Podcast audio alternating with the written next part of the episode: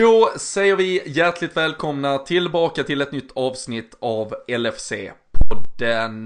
Det är måndag och det är startskottet på en vecka som kommer att avslutas med ja, härliga toner, antagligen väldigt mycket öl som flyger upp och ner ur glas, eh, sånger vi kommer att sjunga. Vi ska få taket att lyfta på O'Larrys Malmö entré på lördag. Storträff Syd med Jamie Webster är det som väntar och eh, det kommer såklart bli Helt fantastiskt. Det är eh, arrangerat av LFC.nu, supporterklubben, där vi såklart är medlemmar, där vi såklart tycker att ni ska vara medlemmar.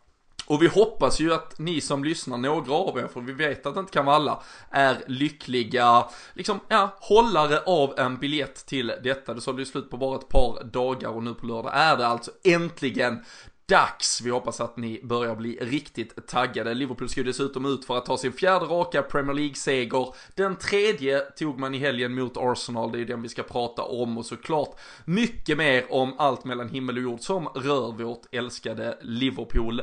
Jag ska få sällskap av Daniel Forsell, ni ska få lyssna på gingen och sen kör vi igång ännu ett avsnitt av LFC-podden.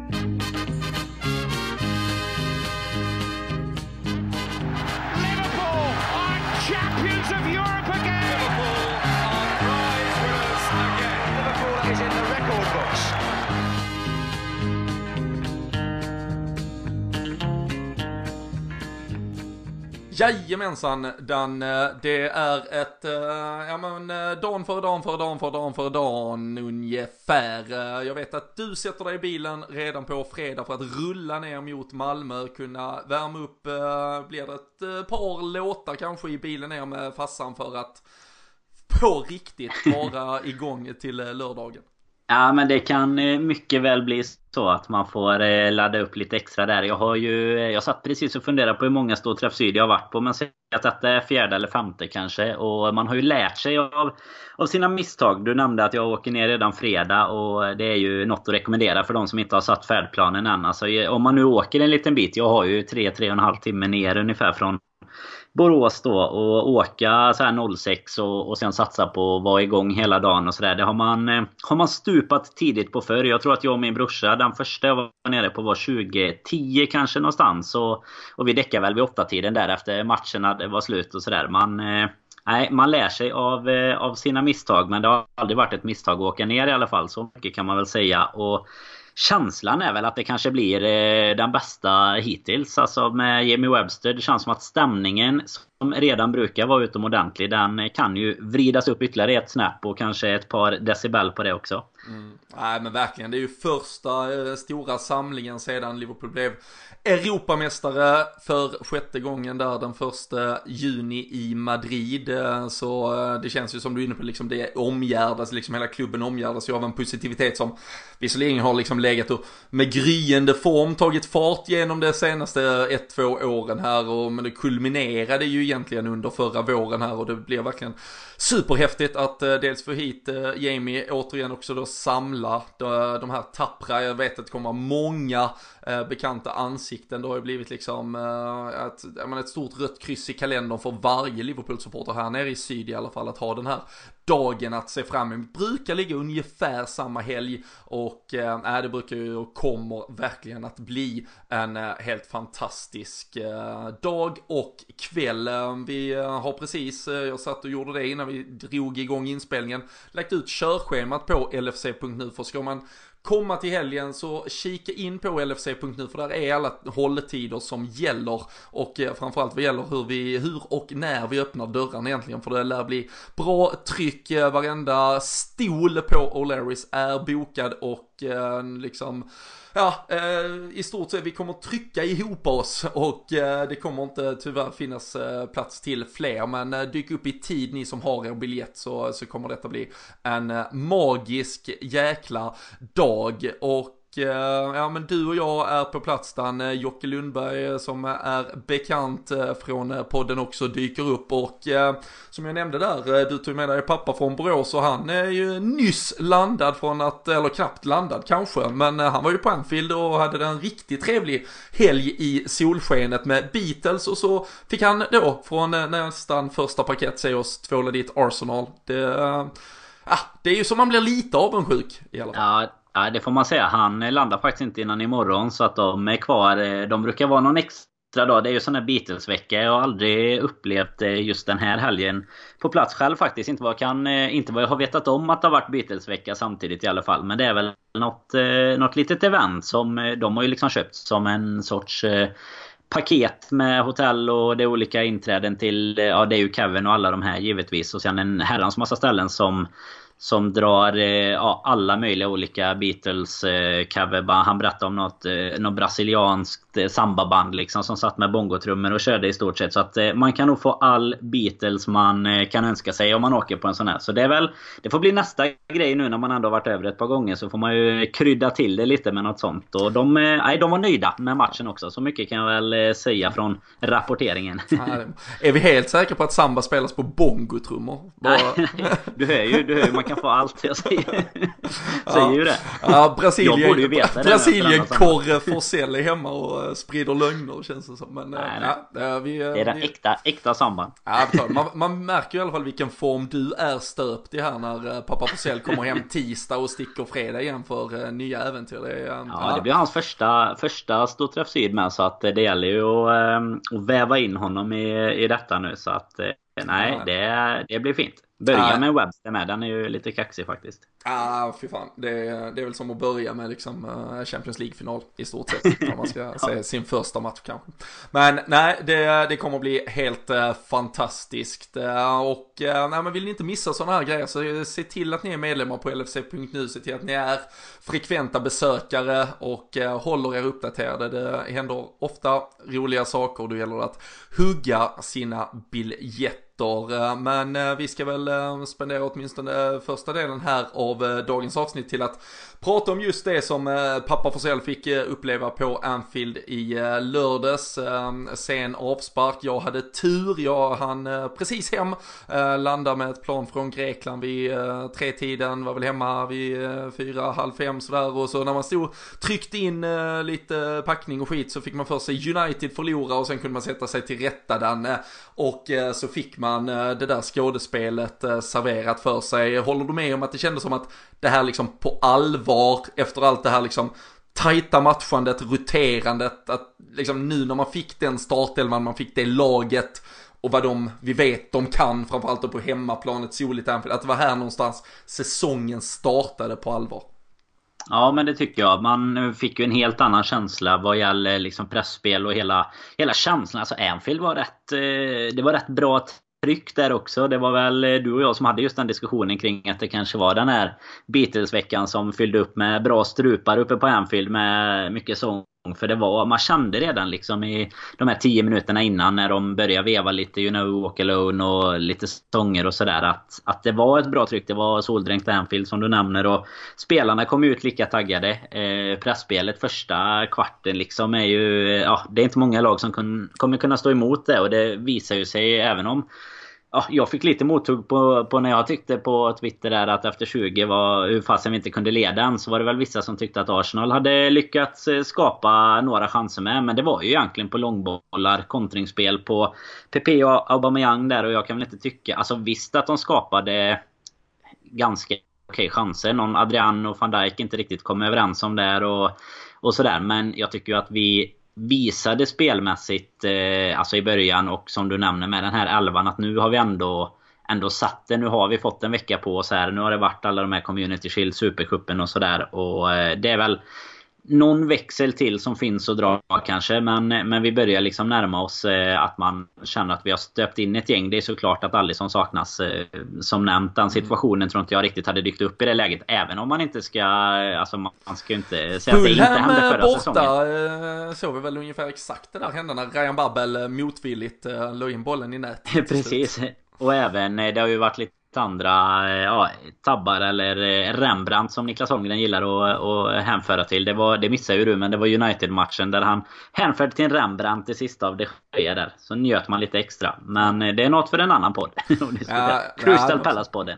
Crystal Palace-podden. Får se om Andros Townsend är med i den podden. Han var ute och svinga mot sitt eget lag här på sociala medier så jag tidigare. Han tyckte inte det var kul att de gjorde narr av Ashley Young. De la upp klipp på när Wilfred Zaha dribblade av honom två, tre gånger. Utan de tyckte man skulle hylla en gammal rutinerad spelare som ändå gjorde sitt bästa. Otroligt, otroligt märklig stämning måste det vara det. Jag vet inte om han är på väg bort men det känns som att han kanske kan vara det just nu. Men som sagt, Crystal Palace-podden, här har ni gratis sprängstoff inför nästa avsnitt helt enkelt. Men eh, nej, det var ju ett Liverpool-lag, eh, om vi eh, tar det då lite kronologiskt, tittar startelva, som utöver då bytet som är framtvingat och det vet vi att vi kommer behöva leva med ett par veckor till i alla fall, Adrian mot Allison, så var det ju faktiskt då 10 elftedelar alla utespelare, exakt i den positionering och formation som vi startade Champions League-finalen faktiskt i Madrid, så man får väl ändå påstå att detta är vårt bästa lag. Man kan tycka annorlunda, man kan ha favoritspelare in, ut och så vidare. Men eh, vi vet i alla fall att det är Jürgen Klopps liksom go-to-lag när han känner att han har en till 98% fullt frisk trupp som han kan disponera exakt som han vill.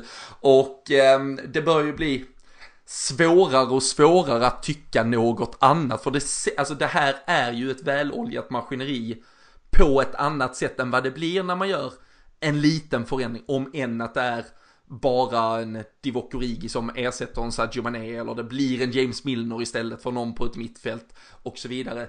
Här finns en, jag tycker liksom något, ja men en naturlighet i allt som sker och i rollfördelningen som vi inte kommer åt faktiskt med någon annan startelva. Även om vi verkligen har varit fantastiska på att hitta resultat med de andra lagen i de andra situationerna. Här, man känner, detta är det Liverpool jag tror liksom vi känner igen alla just nu som vi liksom det man pratar om egentligen när man pratar om det fantastiska Liverpool vi ser mm. anno 2019. Nej men det är egentligen bara att instämma och det, det, har väl Klopp visat som du säger med laguttagningarna. Jag tror väl att tanken var att en Naby Keita egentligen kanske skulle ta över Vinaldums roll för att ha en lite offensivare lagd mittfältare också. Jag tycker väl att det fortsatt är kanske det lilla problemet om man får, får hitta någonting i det andra laget som har vunnit alla sina matcher här. Men eh, då, jag tycker väl att det kan vara lite, lite för dåligt med kreativitet från mittfältet emellanåt. Det är, till exempel i den här matchen när vi ändå står och rullar väldigt mycket boll på offensiv planhalva så önskar man ju lite från en eh, ja, Keita som man fick se honom innan Liverpool eller en Coutinho-typ. Alltså någon som kan bryta lite mönster. Medan det däremot då i, i försvaret och sådär är ju extremt väloljat med pressspel och, och hela den biten. Det går inte att ta ifrån någon av de tre mittfältarna. Henderson, Wijnaldum, Fabinho någonting i alla fall. Men eh, jag tycker väl att man... Eh, Eh, man hade kunnat önska nu när vi har blivit så pass dominerande i spelet som vi faktiskt är. Eh, lite mer kreativitet. Men med det sagt så kan ju en frisk Naby Keita eh, förstöra den dynamiken givetvis om han skulle byta med Wijnaldum till exempel. Men ja, då får man väl anpassa det ja, efter motstånd precis, kan jag tänka mig. Ja men precis för jag, jag håller ju verkligen med om att man kan tycka att det bör finnas en, en möjlighet att liksom kanske ge den om vi bara ska säga 5-6% mer offensiv kraft i form av en typ en Naby Keita eller en Oxley Chamberlain som bör kunna ersätta en Gino Wijnaldum. Ehm, man bör säkert mot vissa typer av motstånd kunna göra ytterligare små förändringar. Men, men det man ändå ser är ju att helhetsbilden när det är, när det är de här tio utespelarna alltid faktiskt övervinner alla andra typer av uppställningar vi ställer på banan.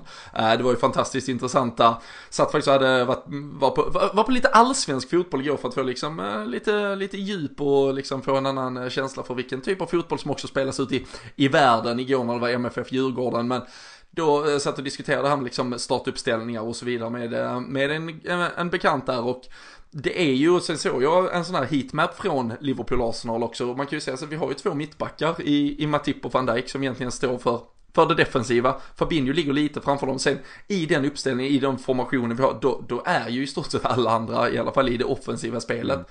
Alltså de har så tydliga roller, vi vet vad Trent Alexander-Arnold, vi vet vad Andy Robertson är. Och det, det krävs ju ändå att där då finns en medvetenhet i en Gino Wijnaldum, i en Jordan Henderson, för, för att det ska liksom funka till, till det absolut yttersta. Så, så jag blev väl personligen, även om jag också tycker att typ Kita, Oxlade och så vidare är kanske på pappret bättre att de är en bättre spelare än Gino Wijnaldum eller hur man nu liksom exakt hur man vill laborera. Jag tycker att man borde kunna få in dem för det bör ge någonting på mittfältet. Så börjar jag ändå bli mer och mer rädd för vad det eventuellt kostar. Om, om de procenten mer vi skulle kunna få ut där av den individuella spelaren skulle kunna dra bort då 5% vardera från våra ytterbackar istället och att kontentan ändå blir att det blir lite, lite sämre.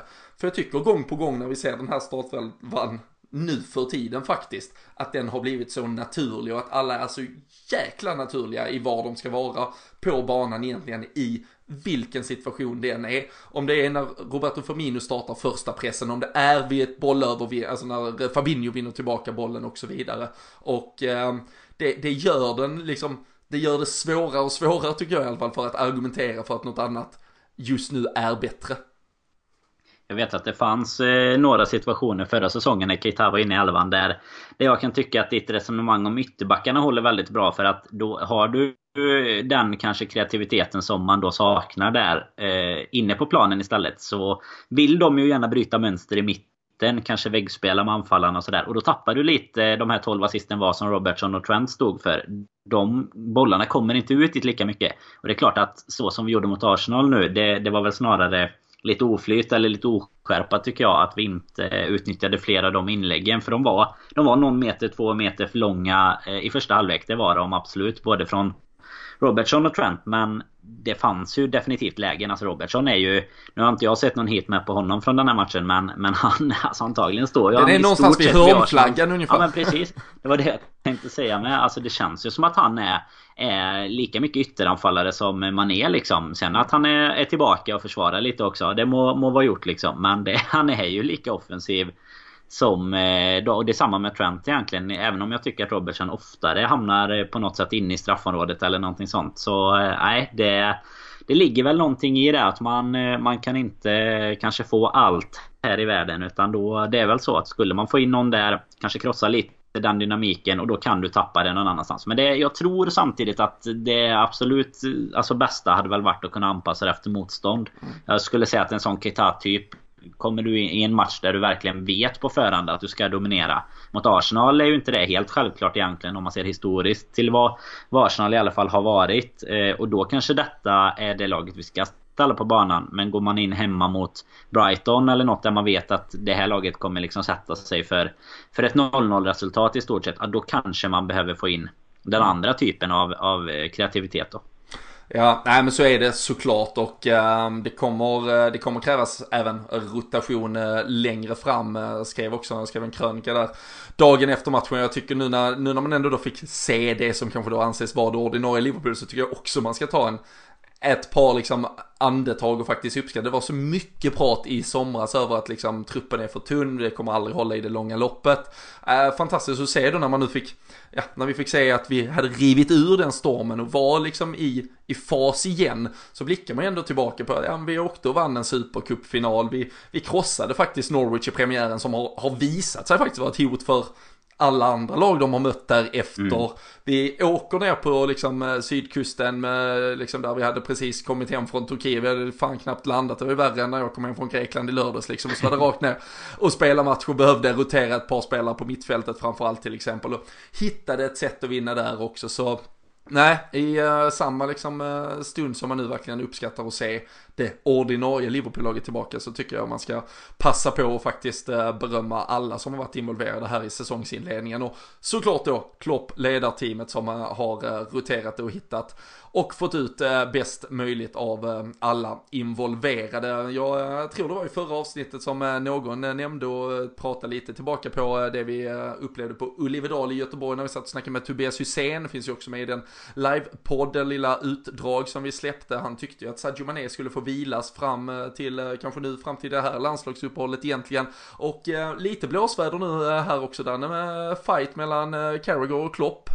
Carra tycker att konstigt att Sadio Mané har spelats in medan Klopp menar att han såklart har full förståelse och känsla för hur varje spelare kan hanteras och att han kanske också borde bli tyckare för vad som än händer så mm. tycker man bara tvärtom och så blir det skitbra liksom.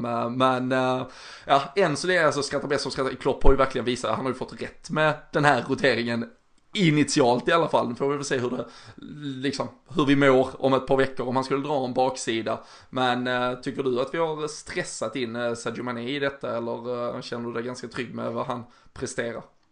Nej, alltså man, man är ju inte... Alltså Carragher har ju givetvis mer, mer insikt än vad du och jag har. Men Klopp är väl den som sitter ytterligare ett snap upp liksom. Och jag, jag tror inte att de hade vågat riskera någonting heller. Eh, jag nämnde det själv vet jag i någon, eh, det var väl vid Supercupen som eh, Mané själv sa det att vadå jag har inte haft semester på, på sju år liksom. Trötthet är bara en state of mind typ eller vad mm. det var han sa. Det sitter i huvudet och jag menar alltså han, han vet ju antagligen själv om han är redo eller inte skulle jag säga. Eh, det är väl där eh, jag tycker att man kan landa. Att jag, sen är det klart att spelarna är sådana vinnarskallar att de, de säger ju inte självmant att du, eh, jag behöver vila lite. Men jag tror ändå att våra om du tänker våra största stjärnor, liksom Mané, Salah och Firmino. De är ändå så pass gjutna i våran startelva att de hade ju kunnat säga det utan att riskera att så här. Nej men fan, eh, är du liksom lite trött då får Rigi ta din plats nu i fyra månader här. Det händer ju inte. Medan sen, jag kan tänka mig att en eh, Wijnaldum eller någon av den typen som sitter på lite mer riskfylld rotationsposition kanske inte känner efter lika mycket själv. Även om det givetvis är så att alla vill spela hela tiden. Men eh, jag nej, jag skulle nog säga att eh, det känns som att Klopp och de har så pass bra koll. Alltså idag har man ju så extremt mycket instrument och sådär också. Sen såklart kan ju... Det är klart att någon kan dra en baksida. Alltså kolla på Alisson till exempel. Han spelade näst flest matcher av alla i hela Premier League förra säsongen om man räknar med landskamper och sådär. Och, och han drar, eh, ja, vad, vad, han nu har gjort egentligen då. Men mm. Liksom han, han eh, skadade sig i första matchen men sen är det så här, ja, är det för att han spelade så mycket matcher? Eller det kan ju vara ren otur också. Eh, ja. Så att, nej jag, jag, tror väl inte att eh, de stressar med Mané. Jag tycker ju att han ser det extremt... Han ser ju fräschast ut av allihop så det... Nej, jag vet inte. Det, det känns ju som att allt givetvis kan hända men nej. Det är, samtidigt tror jag att de, de vet om det själva Klopp framförallt och hela teamet runt omkring vet väl vad de gör förhoppningsvis. Ja, nej vi... Uh vi, vi litar på Kornmeier framförallt. Eh, han, eh, han vet vi ju är en, eh, en stabil gubbe efter att vi sprang på honom efter um, ligaavslutningen förra säsongen. Då lovade han ju oss en frisk Roberto Firmino till Champions League-finalen och det löste han. Så jag har full tro på att han löser en frisk Sadio Mané hela säsongen också. Även alltså om... Det värsta, är ju, det värsta är ju som du är inne på där också. Alltså, det är ju, Klopp har ju lite rätt i det här med tycke. För skulle han skada sig nu då är det jävligt lätt för Carragher bara, ah, men vad var det jag sa? Alltså det är ju, det är ju så här, men vad beror det på? Det vet man ju aldrig riktigt. Så jag vet inte, det, det känns som att det är en så här eh, ja, rubrik eh, man vill bara skapa lite rubriker. Ja men så, och liksom. sen är det ju, hade han inte spelat honom och vi hade förlorat tre matcher så hade det varit liksom, mm. han, varför, var, varför vågar han aldrig spela Mané? Han kan inte vila honom så länge. Alltså, så det, nej. Mot Southampton är han ju faktiskt, eh, alltså hans mål där, det kommer ju, det är ju den matchen man kanske var mest orolig för av de här tre som har varit hittills ja. just med Supercupen. Och där är ju han Alltså det är ju verkligen hans vinst där egentligen. För det är 1-0 målet. Gör vi inte det så kan det bli trögt i andra och så vidare och så vidare. Det är ju, och det är ju bara en blixt från klar himmel liksom. Vi var ju vi var inte särskilt bra innan målet. Och så gör han en eh, ja, världsklassinsats egentligen. Och så 1-0 och så har vi tre poäng med oss hem sen. Precis. Nej, vi, eh, vi är glada att uh, Sadio Mané verkar uh, vara up and running direkt här uh, och han är ju inte en av de, de afrikanska länderna framför eller Senegal i alla fall i synnerhet. Han kommer inte åka på landslagsuppehåll eller på landslagssamling under det här landslagsuppehållet som väntar efter Burnley-matchen. Så då får han ju faktiskt ganska välbehövlig vila. Men som du var inne på där ifall han kände sig hotad kring sin position. Det var ju ganska kul för eh, kanske oss då eh, med lite som i alla fall känner att vi följer Liverpool så pass ofta dagligen. Vi uh, kör ju fantasy Premier League, vi, vi tävlar, vi har en liga i LFC-podden och där var det ju faktiskt ganska många som uppenbarligen inte kanske följer Liverpool så noga så trodde att Divock Origi hade tagit Sadio Manés startplats. Och jag tror Divock Origi var den mest inbytt efter första mm. veckan. Han gjorde ju lite halvsuccé där mot Norwich och så Mané han skulle rakt ut men då till andra omgången så var han ju tillbaka och då gjorde han till och med mål. Men uh, vi får väl faktiskt lyfta lite på hatten där för poddkollega Jocke Lundberg som just nu med Lägligt nog också, Divox eh, bollklubb, eh, han eh, innehar fanta mig en andra plats i ligan och det känns ju inte bra på något sätt. Nej, alltså man, man, kan ju lyfta på hatten och så men det är bara att följa ditt Twitterflöde så ser man ju var han får sina tips ifrån egentligen. Det, det finns många utdrag ur eh, poddengruppen där, där Jocke knockar sina tips från eh, Nej men bättre och mer rutinerade fantasy managers skulle jag kalla det. Ja man har ju, alltså jag har ju haft, jag har haft både dator och telefon på inlämnat eh, till FBI ifall det är någon jävla rysk eh, bot eh, installerad för att stjäla all inside man sitter på. Men nej det verkar ha gått rakt in i skattkistan på Divox bollklubb där så. Nej verkligen. Han ska ha en applåd Jag tror han var fyra, han är 4000 i världen eller något av 6,3 miljoner någonting sånt. Det är, en, det är rätt bra. Ja det pratar vi inte högt om. Men det viktigaste att ändå ta med sig är att han är tvåa och eh, inte etta eh, efter tre omgångar. Så är det Conny Läck med eh, Faulers näsplåster och det namnet gillar man ju också såklart. Han ska ha ännu mer applåder. Ja, på 221 pinnar. En viktig pinne för Jocke Lundberg så fan vi är tacksamma att Conny är med i ligan. Får vi verkligen uttrycka glädje och tacksamhet för. Men, en, en ganska rolig om man bara ska hålla sig en halv minut kvar om fantasy det var ju att även Salah var en av de absolut mest utbytta i världen inför eh, den här omgången. Och eh, lite tålamod får vi ge våra eh, podd... Vad säger man? Poddliga-kollegor tips om då. För byta ut Salah och så två mål direkt efter det. Det, det kan inte kännas bra alltså. Det känns jobbigare än att se Jocke Lundberg två i ligan. Ja, nej, äh, lyssna här på experterna från 223 och äh, ja, någonting. Jag hittar inte ens det där. Jag tror de har Nej, den här omgången. Jag hade Salla i alla fall. Sen ja. resten, eh, det glömmer vi. Det gör vi, eh, men eh, ja men eh, är ni med där i fantasyligan så se till att tvåla dit Jocke Lundberg nu och klättra upp och utmana Conny om första platsen. Kommer dyka upp lite längre fram, vi låter det ta lite fart så kommer det börja dyka upp lite priser från Sam Dodds också. Och i slutet av detta avsnittet så kommer vi också avslöja vem som vann veckans tipströja som Sam Dodds också varje match skickar in i potten. Det var väldigt, väldigt många som hade lyssnat på Orakel, Daniel Forsell. Där är du däremot eh, stark och het så... Fan, an andra matchen på rad nu. Du, nu får man börja... Jag vet inte, man får liksom börja känna på uh, trollstaven och se om det verkligen uh, funkar det här. Alltså, det, ja, för fan. Inte. Ta med man ska en... våga gissa till helgen. Nej, ta med en putsad spåkula ner till Malmö så vi kan uh, vinna lite pengar också kanske inför uh, Burnley-matchen.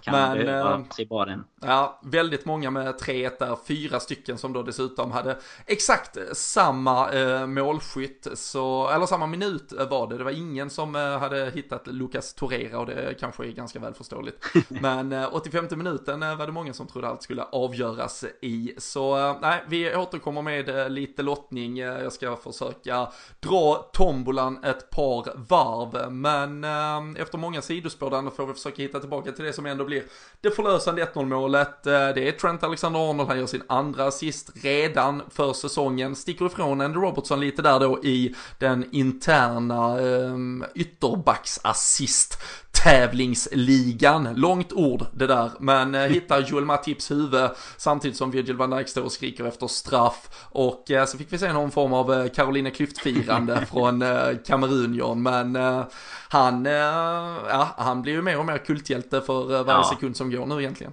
Jag tänkte precis säga det. Han börjar ju... Alltså för, för varje dag växer ju han på lite det här... Det Origi hade sista halvåret eh, av förra säsongen egentligen. Ända från Everton-matchen och... Och sen med sent avgörande i Newcastle och så Champions League-finalen givetvis. Så känns det som att man tippar liksom detta... Denna säsongens Origi på något sätt. Eh, med sitt firande uppe på podiet. Det finns någon, någon god GIF när han står och vevar sina armar på något konstigt sätt i, i, efter Supercupen där. Och så det här vet jag inte vad, vad vi ska vad vi ska kalla det. Carolina Klüft-firande var väl ett, ett ganska bra exempel kanske. Jag, jag minns inte hennes firande så bra men... Ja men det var ju, man såg ju alltid liksom påtänd ut. Var ju, visste inte vad de sysslade med och bara stod och skrek in i en kamera. Så, exakt, det är så otroliga glädjeskutt bara. Han vet ju, alltså det är så han blir chockad själv över att han gör mål. Så att han bara så här eh, kör någon sorts galopp eh, med sina ostkroksben och liksom armarna flyger och vevar och ja, jag vet inte och skriker samtidigt så Nej, det, jag tror inte att den var inövad målgesten i alla fall. Nej, det känns inte som att han står med Firmino och Mané och tränar målgester på träningen direkt. Utan eh, då sitter han nog och läser en eh, bok i spelarbussen och tar en kopp eh, te eller någonting. Otroligt mycket gammal gubbe-vibes på Joel Matip. Det är ju dags, kanske, kanske dags att eh, han och van Dijk börjar göra det snart. Jag såg att vi var väl på senaste året sju mål bättre än de som är tvåa på att göra mål med skalle. Vi var uppe på 22 stycken tror jag. Eh, och det är ju Matip och van Dijk har ju båda kommit igång nu. Matip hade gjort fler mål, eller detta är ju den säsongen än så länge som han har gjort flest mål i Liverpool-tröjan. Och det är tre plus två matcher in egentligen då han inte har spelat alla minuter. Så att eh, nej, han går mot en... Går en match mot Pucke och Barns i skytteligatoppen kanske. ja, nej, men det, det, hoppas vi och eh, känslan är väl nu också, vi pratade lite om att liksom, det var bästa elvan som var på planen nu. Um, är känslan också att uh, han är uh, före Joe Gomez i uh, den där pecking-order nu och är, och är liksom den ordinarie kollegan till van Dijk som han kanske rent av de senaste faktiskt mm. tre, fyra månaderna varit mm, faktiskt minst lika bra som och det, mm, ja, det är ganska enkelt att säga det men när man förstår att lika bra som van Dijk det betyder så otroligt mycket för det betyder ja. att du är bland de bästa i världen egentligen. Nej men, det, men så är det och jag tror att det har varit ganska, alltså känslan är ju att det har varit rätt rörande överens eh, i alla fall i, i fanleden så ända sen eh, ja, men slutet på förra säsongen att eh, man hade förväntat sig att Matip skulle starta bredvid van Dijk. Sen blev det inte så precis i, i början där men det känns väl som att det har vänt och det kan ju funnits andra orsaker till att Gomes gick före i, i ett par matcher där också. Det, sen märktes det ju ganska tydligt att eh, det blev fel. Så kan man väl säga mot Norwich till exempel.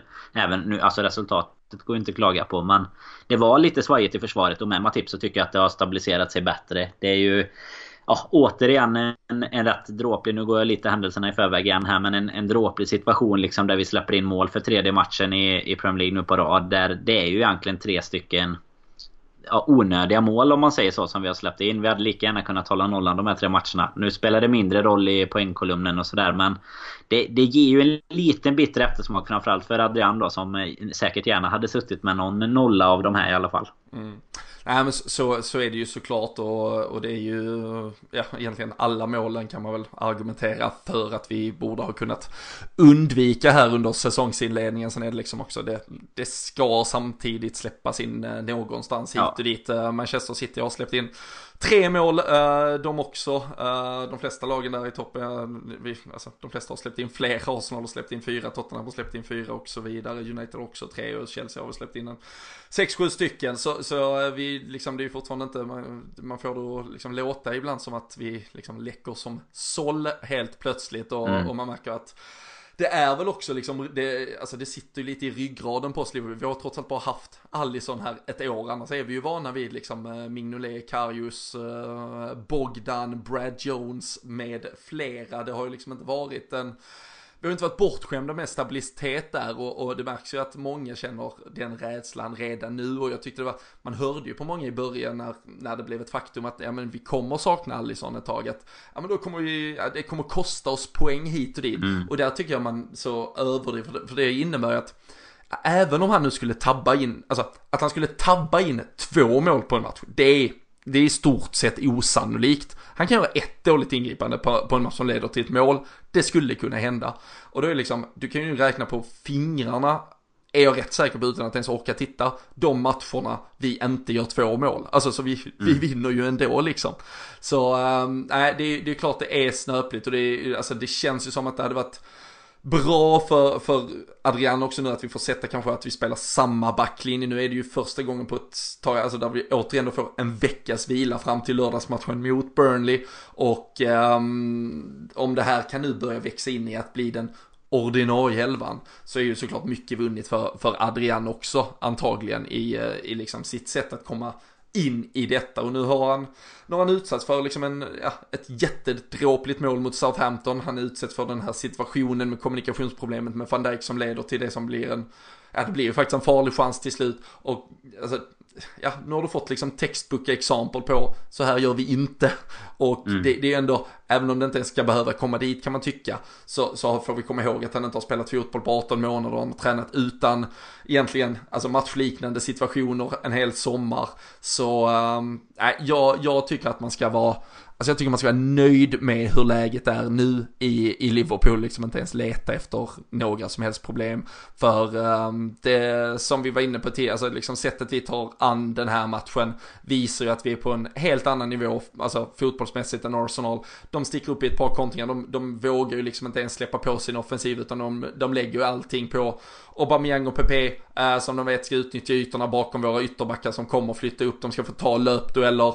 Nu påstår de ju att van Dijk har blivit avdribblad för första gången på 50 matcher. Det var väl Pepe som sparkade bollen och sprang och det får väl accepteras då. Eh, om vi nu har fått skryta om att han har varit så fläckfri fram till dess. Men det, det var ju liksom den speeden de ville hota oss med. Eh, när de inte lyckades göra det på omställningarna som kom första 10-15 minuterna så mattade oss de, de av helt och fram till att vi slår på takten i 80 minuten så är vi liksom helt överlägsna i den här matchen egentligen och, och det utkristalliserar sig ju mer och mer att ja, men det är en topp två som slåss om Premier League-titeln tycker jag man kan se redan efter tre matcher där.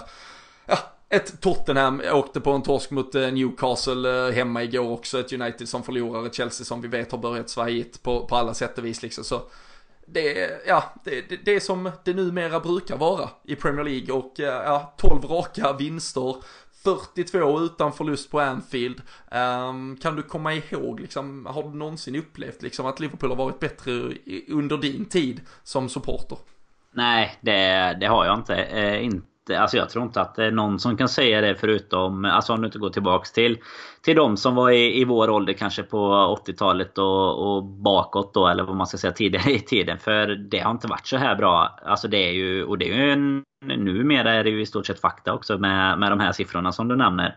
Så, och det, det finns, alltså du har ju nästan aldrig kunnat gå in Vissa enskilda matcher såklart med, med den känslan men alltså här går du in med en ganska säker känsla på att vi eh, skulle köra över Arsenal. Nu har vi just haft ganska enkelt för Arsenal hemma de senaste åren. Men det, det är verkligen det här. Det är topp två. Vi kommer också tappa poäng. City kommer också tappa poäng. Men inte lika ofta som de andra kommer göra det. Och det märks så extremt spelmässigt eh, när man även tittar på de andra matcherna. Jag menar du, du kikar på Bournemouth mot City till exempel. Visst, eh, Herr Wilson eh, inlånad från oss gör ett eh, fantastiskt mål. Men i övrigt har ju Bournemouth ingenting att sätta till. Och eh, sen jämför du med till exempel Newcastle som slår Tottenham, Palace slår United.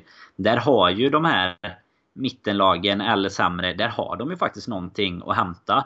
Eh, Medan det har de inte egentligen mot oss. Norwich gör ett mål mot oss men det är liksom när det redan är, är avslutad match. Eh, Southampton gör ett mål. Det är när, när det blir lite, lite schabbel liksom. Men spelmässigt så är vi så extremt mycket bättre tillsammans med City. Det är liksom en, det är en annan nivå. Det finns ett visst topp 6 och hela den biten. Men det finns numera också topp 2 egentligen. Och eh, nej, jag Alltså man, man får ju inte glömma det som du säger. Man måste någonstans stanna upp och liksom njuta lite av det också. Nu har man ju helt plötsligt vant sig vid att Alisson ska spika igen där bak och att eh, vi ska göra fyra mål per match. Men man måste stanna upp och njuta och, och känna att vi eh, att vi får uppleva något som är speciellt. Jag menar Salah kommer inte alltid springa runt där på kanten. Inte man är heller. Och och Bob, ja nu, jag ska inte gå igenom hela laget på hur fina de är men eh, det är ju någonstans så man måste också njuta av hur extremt bra den här upplagan faktiskt är. Mm, nej, verkligen.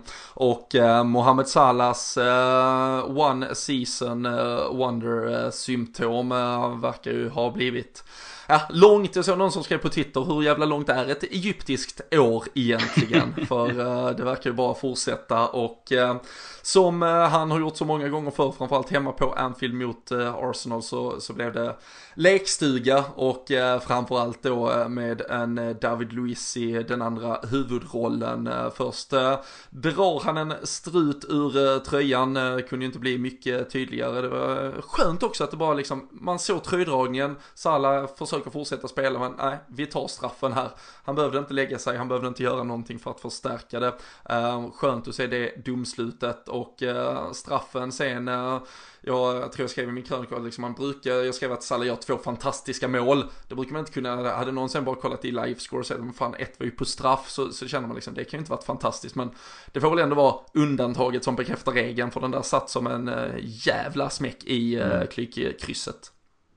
Nej verkligen. Det var nästan Harry Wilson-klass på den straffen. Nej men den var ju, det, blir, det är ju ingen, den går ju inte att ta. Den var ju verkligen Det är en av de bättre straffarna man har, har sett på väldigt länge i alla fall. Det var så när man till och med, kommer ihåg när man satt med polarna och alltså när man var mindre och liksom typ tränade på Fifa så liksom så skulle man ändå, så sa man vad man skulle skjuta för att försöka få målvakten att nå upp där men det gick fan inte ens då heller i stort sett så nej, det, den, den satt där den skulle och eh, sen blev det ju verkligen respass eh, för eh, David Luiz där eh, när Salah sticker igenom till 3-0 målet. Eh, Fabinho sätter ju en helt Fantastisk passning i, i djupet, en one touch när han får en kortpassning från eh, Trent och uh, sen uh, säger det egentligen bara swoosh och så är Salah förbi på kanten och uh, motorväg fram mot Ben Leno och sen lägger han ju in den exakt där alla vet att han ska lägga den men där du ändå inte klarar av att uh, ta den. Jag tycker det är någonstans, det är fan nästa ett av mina favorit men när man vet exakt vad han ska mm. göra och så gör han det och så vet man att fan, det gick ändå inte att lösa det. Uh, Agüero rullar ju in ett, li alltså inte ett liknande, men ett sånt mål mot Bournemouth. Man vet, det finns bara, han kan bara lägga det i den jävla stolpen, men han lyckas få den så jävla nära och exakt mm. så, alltså så han behöver inte skjuta hårt och målvakten vet det, men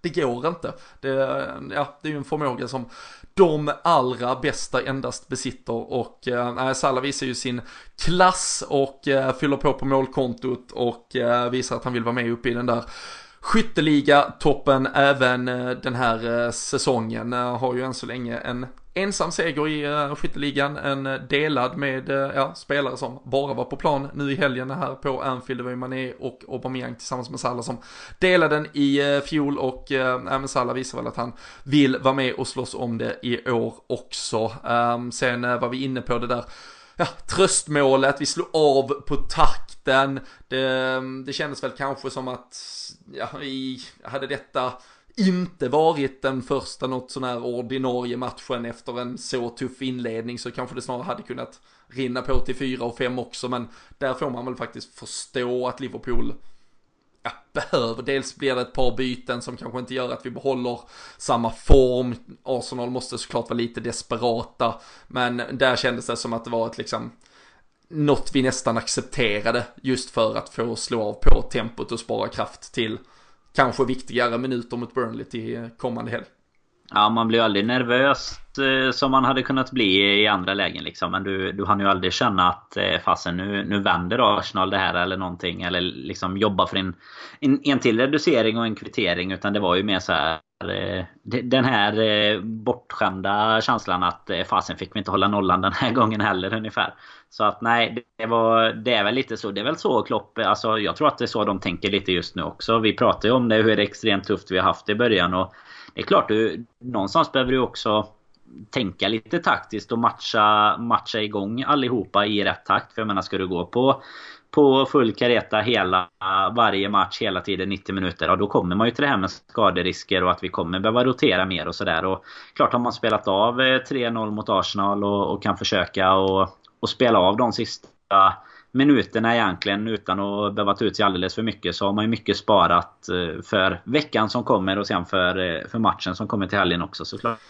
Nej men det är väl det där äh, alltså, äh, moment 22 syndromet mot kritiker som vi var inne på tidigare. Hade Liverpool spelat på i full fart i 90 minuter och inte gjort ett enda byte, gått för 5-0 och så hade ja, Firmino dratt en baksida i 94 så hade man tyckt att det var så jävla idiotiskt och nu gnäller man på att vi slår på takten och släpper in ett mål. Men det hör ju till, vi ska sitta och gnälla. Mm.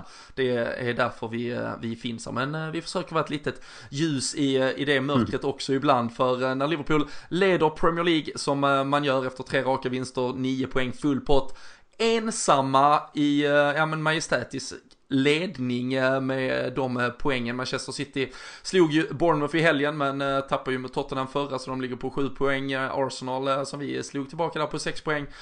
Leicester, Brendan Rodgers gäng harvar på och ligger på fjärde plats just nu. Sen är det faktiskt 10 lag Danne som har tabellrad 1-1-1, alltså en vinst, ett kryss, en förlust.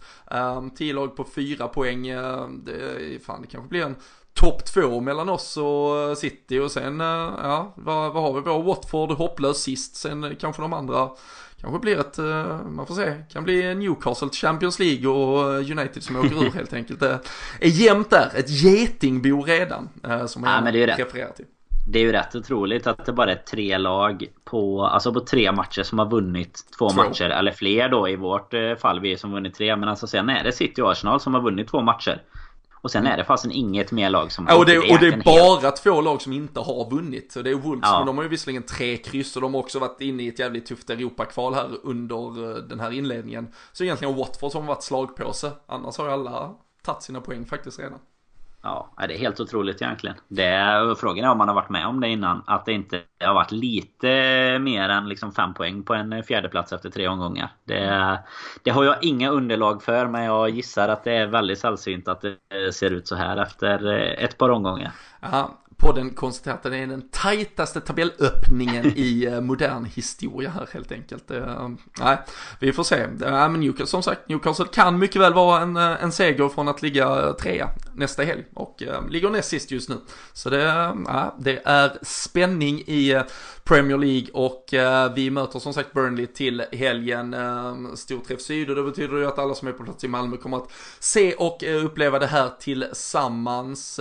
Och Eh, i eh, den här veckan så kommer vi att släppa ett avsnitt till så vi kommer att snacka upp den lite mer specifikt då för det är ju faktiskt Champions League-lottning på torsdag och eh, den ska vi såklart reflektera lite kring. Så vi kommer ta ner Champions League-lottningen, snacka upp Burnley-matchen med fullt fokus. Men äh, var ändå en, en känsla där så här tidigt när vi ändå har liksom ett orakel med oss. Ähm, Klopp äh, var en artikel i The Times idag, Paul Joyce vet vi alla är initierad, har full koll. Klopp har pratat lite om då att han kommer behöva rotera liksom ändå lite svar på den kritiken även om han slog ifrån sig den i, i det stora. Men han vet ju att han behöver rotera. Förra året i just den här matchen så var ju en av de där där han Eh, ja men plocka av Trent till exempel, mm. spela Joe Gomez som högerback. Vi minns ju hur det tyvärr då slutade med hans skada. Um, säkerligen för att få in lite längd, tyngd. Ashley Barnes har vi sett har öst på, han har öppnat sitt målkonto rejält. Chris Wood var den som öste på försäsongen. Vi vet att de är de är ju Burnley, de är Sean Dyche-laget som är så tunga att möta. Det är ju faktiskt inte bara en myt, även om det är liksom kul att ja, kanske eh, bre på det ibland. Men eh, tror du att det kan vara något Klopp liksom tänker på att han gör taktiska dispositioner eftersom vi vinner på att man alltid kan vränga ett lag lite för att få ut bäst möjligt just för kommande 90. Ja, men det tror jag väl eh, att, eh, att han planerar att göra om man säger så. Tittar ju givetvis på motståndet. Sen om jag jag vet inte om jag egentligen tycker att vi, vi ska göra det i den här matchen. Jag tycker väl att man, eh, alltså tar vi till exempel höger, högerbackspositionen, Trent eller Gomes där till exempel. Då tycker jag ju att vi kan ha mer nytta av Trents fot än av eh, Gomes. Alltså den skillnaden som är på deras försvarsspel numera. Det tyckte jag skilde mer förr egentligen. Eh, sen blir ju han ganska lämnad på sin kant också. Jag menar en Salah som går högt offensivt. Du nämnde det innan det här med att Fabinho är vårt liksom, skyddsnät framför två mittbackar. Och, och då blir ju ytterbackarna också ganska utsatta i och med att Eh, Eh, Mané och Salah är ju inte två gubbar som kanske tänker försvarsspel i första hand. Eh, om man inte nu tänker pressspelet längst upp som de, jag menar de är ju sällan långt ner utan de står ju och pressar uppe vid hörnflaggan eller i målområdet eh, om det behövs egentligen. Så nej, vi får väl se lite vilka taktiska dispositioner så sett. Jag vet inte vad är din känsla på, på om man tar backlinjen där då till exempel? Nej men jag, jag, alltså, jag, jag, hoppas att vi egentligen startar matchen med exakt det laget som vi spelade mot mot Arsenal. Jag tycker också när man har fått en, en veckas vila så, så ger det väl eh, alltså, möjlighet att, att göra det. Eh, såvida alla är, är friska i övrigt. Jag, jag kan väl tro och tänka att det eventuellt skulle typ kunna bli ett, ett mittfält med ett, eh, en James Milner som kommer in mot en Gino Wijnaldum om, om han känner att han vill ha lite löpstyrka och kanske mer då uttalade roller i hur vi ska försvara om vi lämnar ytan. En, vi vet att Johan Gudmundsson till exempel i Burnley tycker om att komma runt på kanten och leverera inläggen till de där jävla Eh, ja, eh, bjässarna eh, där, eh, där framme helt enkelt. Och eh, det är klart att det kommer alltid vara vissa taktiska dispositioner som, som ska göras. Men som du är inne på också, jag, jag tycker den där liksom diskussionen, det, jag hade ju diskussioner under semestern eh, att liksom Trents defensiv, den den, den är ju mycket bättre numera och eh, framförallt bevislig, alltså både, både statistiskt och, och jag tycker liksom inte man kan liksom peka riktigt på den ena, alltså det är klart han blir överspelad ibland och det är för att han ligger 50 meter högre upp. Det var ju framförallt i diskussionen med vem som var bäst mellan han och Aaron Wan Bissaka, eh, bara sinnessjuk diskussion överhuvudtaget. Och ett tips är att inte slänga ur sig en sån sak eh, på, på Twitter som jag då gjorde att, ja men Trent, han är ju fan mil bättre, men eh, kom United, eh, eh, ja, eh, hela artilleriet egentligen och eh, ville försvara sin sak eh, så fick man eh, ägna en halv semester åt att reda ut saker och ting. Men jag tycker ju att Trent som vi pratar om i lagbygget i stort, om det nu är en procent hit och dit man tappar så, så, är det liksom inget mot vad hotet offensivt gör att du ändå trycker tillbaka den spelaren som eventuellt kan hota på den kanten och så vidare. Så nej, jag, jag hoppas och tror att vi får se uh, det, det laget som, som faktiskt är bäst. Mm. Ehm, helt enkelt och, och, att det är det vi, vi kör på och, eh, och går in i. Men uh, vi, vi ser uh, lite här när vi spelar in nästa avsnitt om det blir torsdag kväll eller fredag förmiddag. Då kanske vi också har fått med oss någon tankar och reflektioner från Klopp och vi får se om skadeläget eventuellt skulle bidrag till att eh, vi på något sätt behöver eh, revidera de eh, tankarna. Men, eh, men annars är väl känslan att vi går in med det där bästa laget, städar Burnley av banan, har fyra segrar och eh, så kan vi fira lite landslagsledigt eh, efter det och liksom ta ett första så här andetag på riktigt efter att säsongen är igång. Vi ska som sagt i nästa avsnitt också då snacka lite Champions League. Har du börjat spåna lite i de där pott, potterna, sidningen som är där? Real Madrid kan man ju få från pott 2. Vi går ju såklart mm. in toppsidade som de Europamästare vi är.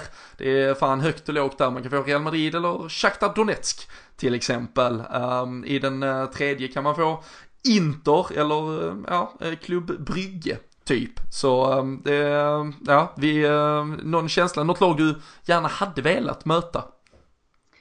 Alltså inte, inte sådär på förhand men att man väl egentligen vill ha det så, så enkelt som möjligt när du jämför de här eh, alltså, som du gör nu till exempel Inter eller Klubb Brygge till exempel. Så, så hade man väl eh, kunnat tänka sig att, att ta en resa till Brygge snarare än eh, San Siro så sett. För eh, det är ju någonting man bara vill igenom egentligen. Sen är det ju som, eh, alltså med det sagt hade vi ju lite av en, eh, eller lite av, vi hade ju egentligen mardrömsgruppen förra säsongen om man säger så. Och det gick ju bra ändå även om det var på håret i själva gruppspelet. Men så, det, så känslan är väl att det, oavsett vilka vi lottas mot så, så ska vi dit och, och kriga. Och i och med att vi ändå är på ett så, eh, så finns det ju vissa förväntningar på att vi ska väl kunna ta oss oavsett egentligen motstånd känns det som. Är, nu, nu slår man på liksom den trumman också med det självförtroendet man kan få rättighet att ha tycker jag nu att oavsett egentligen vad vi lottas om så ska vi vara topp två i alla fall i våran grupp. Det, det ska vi i stort sett inte behöva diskutera oavsett om det blir liksom Inter från på tre i stort sett tycker jag. Så att eh,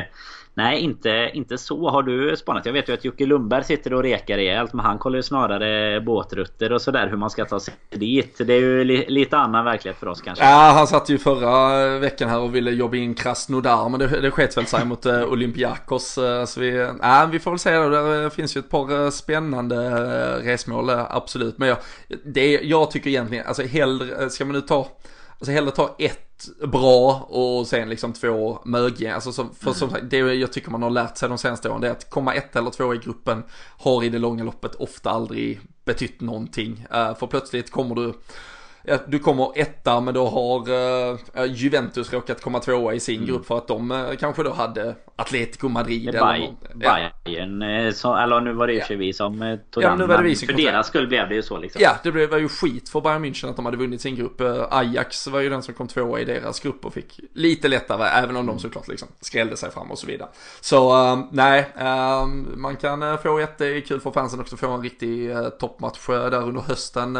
kan behöva liksom, för att trissa upp stämningen ännu mer. Vi vet hur strålkastarljuset på Anfield kan få folk att må. Så um, en, uh, en riktigt häftig match uh, får det gärna bli. Men sen kan vi gärna cruisa vidare också ganska liksom, enkelt mot ett Young Boys eller något annat mm. halvtragiskt gäng. Så att man kan rotera lite och få, få chansen att vila även vid, vid de tillfällena. Men vi, vi, vi återkommer som sagt med, med ytterligare ett avsnitt där när grupperna och ja men Uefa-bollarna har dragits och fallit på plats så vi vet förutsättningarna för det och tar det sista lilla nya där inför Burnley-matchen som väntar till helgen. Jag tycker dock innan vi lämnar hela Premier League-omgången som var den du nämnde ju bara i förbifarten kanske många missade men Harry Wilson och bollar i krysset och det var ju en jävla frispark han fick på och mm. två mål på två matcher för Harry Wilson. Han visar att han kanske på allvar vill in och slåss i vårt gäng nästa säsong.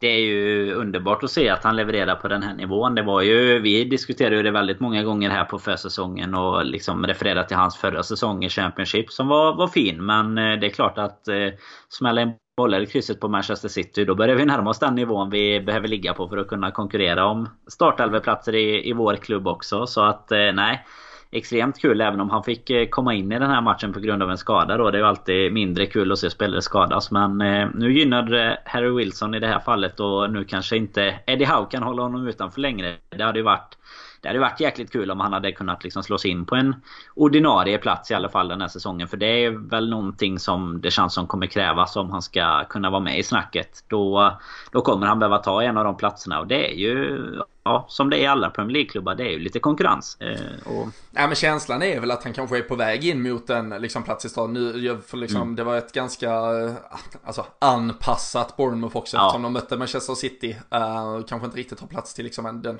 ja, avige uh, yttern som uh, Harry Wilson ändå är uh, när du ska försvara med tio man på rätt sida och så vidare mot, mot ett Manchester City. Men uh, när det väl behövdes då hade de dessutom redan släppt in 1-0 vid det läget tror jag, sen blev det 2-0 också innan han då tryckte dit sin frispark så, så mm. kommer han ju in och liksom bidrar med den.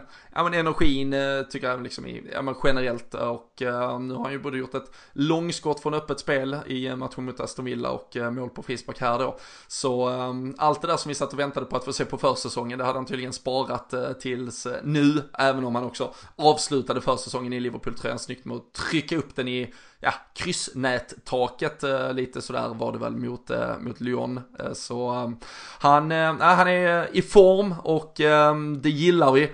Ehm, jag och Kalle Sundqvist här i podden tyckte också det var skönt att se när han uh, skulle dra på sig matchtröjan. Han visade att han var i bra fysisk form. Uh, jag och Kalle har utmanat oss själva nu. Vi ska uh, få Milner-kroppen när hösten kommer. Så vi, vi ska väl återkomma lite där. Ska se om vi kan hitta någon liten morot för att tävla lite extra. Men det ligger ju ett par grekiska myter för mycket i den här hyddan just nu. Och lite, lite rädd att trilla ner någon, någon annan form av öl till helgen också. Men sen, sen jävlar Um, Kanske det... behöver jag jobba bort några för att kunna fylla på på Podden Away sen. Det är ju ett par ja, månader det, kvar där. Ja men precis. Så, så ta tanken, är väl att, tanken är väl att jobba liksom uh, stenhårt, uh, målmedvetet och fokuserat för att ha i sin bästa form när man sen ska rakt in och förstöra det på fyra dagar när vi drar över mot, mot Brighton där månadsskiftet november-december. Men den tiden, den sorgen, vi ser hur, hur nära Milner-kroppen man kommer. Det lär vara ett par eh, uh, muskelfibrer ifrån men eh, alla försök är ju goda och tappra i alla fall så det, det ska väl eh, försöka uppskattas ändå. Men ja, riktigt kul att se framförallt då hur Harry Wilson levererar på den här eh, nivån och ehm, vi var inne på det tidigare, många som i eh, veckan här eller i helgen mot Arsenal också levererade i vår eh, tipstävling. De hade tagit rygg på Daniel Forsell tippat 3-1 och så hade de satt den 85 minuten, fyra stycken, eh, förtjänar väl sina shoutouts hela gängen här, gänget här. Jonathan Morat, Dennis Stjernqvist, Sebastian Kling och eh, Peter Hansen. Peter Hansen var ju med och drog hem quiztävlingen när vi var över på första podden away här. Så Jajamän. han kan sina saker. Men eh, tyvärr, jag såg att han skrev att han skulle ta på sig en turhatt lagom till att vi spelade in det här avsnittet. Så föll inte lotten på honom denna gången, utan istället så var det Dennis Stjernqvist som eh, plockade hem eh, tishan. Så eh, stort grattis till Dennis och eh, vi lägger såklart ut det på Twitter så att eh, Dennis kan höra av sig där med eh, sina uppgifter så skickar Sam Dodds eh, ut tröjan vi eh, fortsätter att eh, tävla. Det är en ny chans till helgen mot eh, Burnley. Det är som sagt storträff syd så det händer grejer för några av oss i alla fall, du, jag, Danne, Jocke kommer ner, kommer vara full rulle, kommer vara många bekanta och obekanta ansikten. Vi ser fram emot att träffa alla som dyker upp där och som sagt det kommer ett avsnitt till här i veckan så det är fan högvarv i poddfabriken och eh, gillar ni det vi gör så blir vi ju sjukt glada ifall ni går in på patreon.com slash LFC-podden. Där kan ni bli månadsdonatorer. Ni eh, skänker 2 dollar i månaden 18,65 kronor på, eh, på senaste kurs. Vi får väl se nu när eh, Trump ska eh, handelskriga mot allt och alla så det kanske är 2000 spänn snart så ni får väl hålla lite koll på, på kurser och skit men eh, än så länge så är det inte de stora pengarna som man i så fall donerar men eh, många bäckar små leder till att vi kan fortsätta göra detta ännu bättre, ännu mer, ännu oftare, vara med och arrangera roliga saker. Vi har just nu ett nytt datum på G som vi planerar inför en um, ja, ganska trevlig grej i höst också. Så eh, det får ni hålla utkik kring. Vi ska försöka ta oss ut på vägarna i Sverige igen i alla fall. Och um, ja, men ju mer vi har er med oss, eh, ju enklare och ju oftare kan vi göra detta. Så Surfa gärna in på eh, patreon.com LFC-podden och eh, bli en av eh, de där som visar att ni är lite, lite extra hängivna det vi gör. Vi blir sjukt glada och vi kan bara skicka det största, största tack till er som redan är med oss. Men med de orden, med den här timmen så packar vi ner den där härliga segern mot Arsenal från helgen. Vi fortsätter att njuta av en vecka som serieledare, Champions League-lottning väntar där. då är det Europamästarna som ska in i en av de där grupperna och eh, då kommer vi tillbaka med lite reaktioner på det också. Men eh, until next time, vi eh, hörs av, ha det så bra, ta hand om er. Danne, vi ses i Malmö om några dagar, så lev väl tills dess. Detsamma Robin.